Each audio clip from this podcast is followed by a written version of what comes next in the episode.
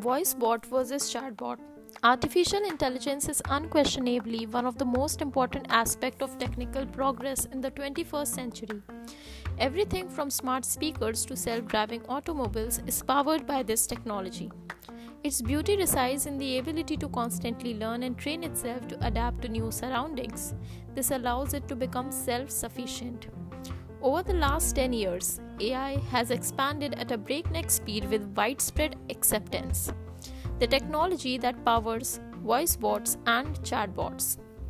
One thing that they have in common is natural language processing, which is what happens behind the scenes when you interact with a voice bot or a chatbot.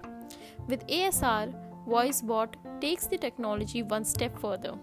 NLP is a technique that uses artificial intelligence to enable computers or bots to communicate with humans in natural language. As more money floods into cutting edge technology, the NLP market is predicted to grow 14 times its current size by 2025.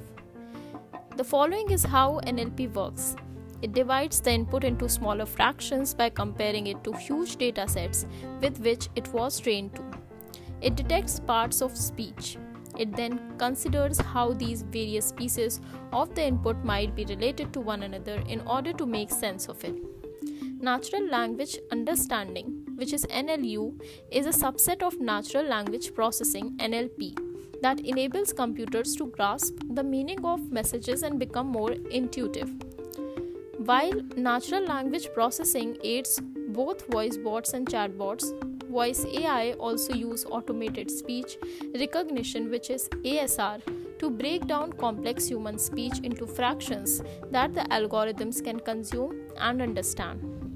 This question does not have a one size fits all response. If you're asking which is better, chatbots or voice bots, the answer is that it depends on what works best for your consumers and the challenges you are trying to solve. Finding the overlap between your firm's aims and your users' goals is a great method to locate the sweet spot for your business. The amount of data to be conveyed, the types of medias that can be employed, and whether the user journey is linear or non linear are all factors to be considered. Thank you.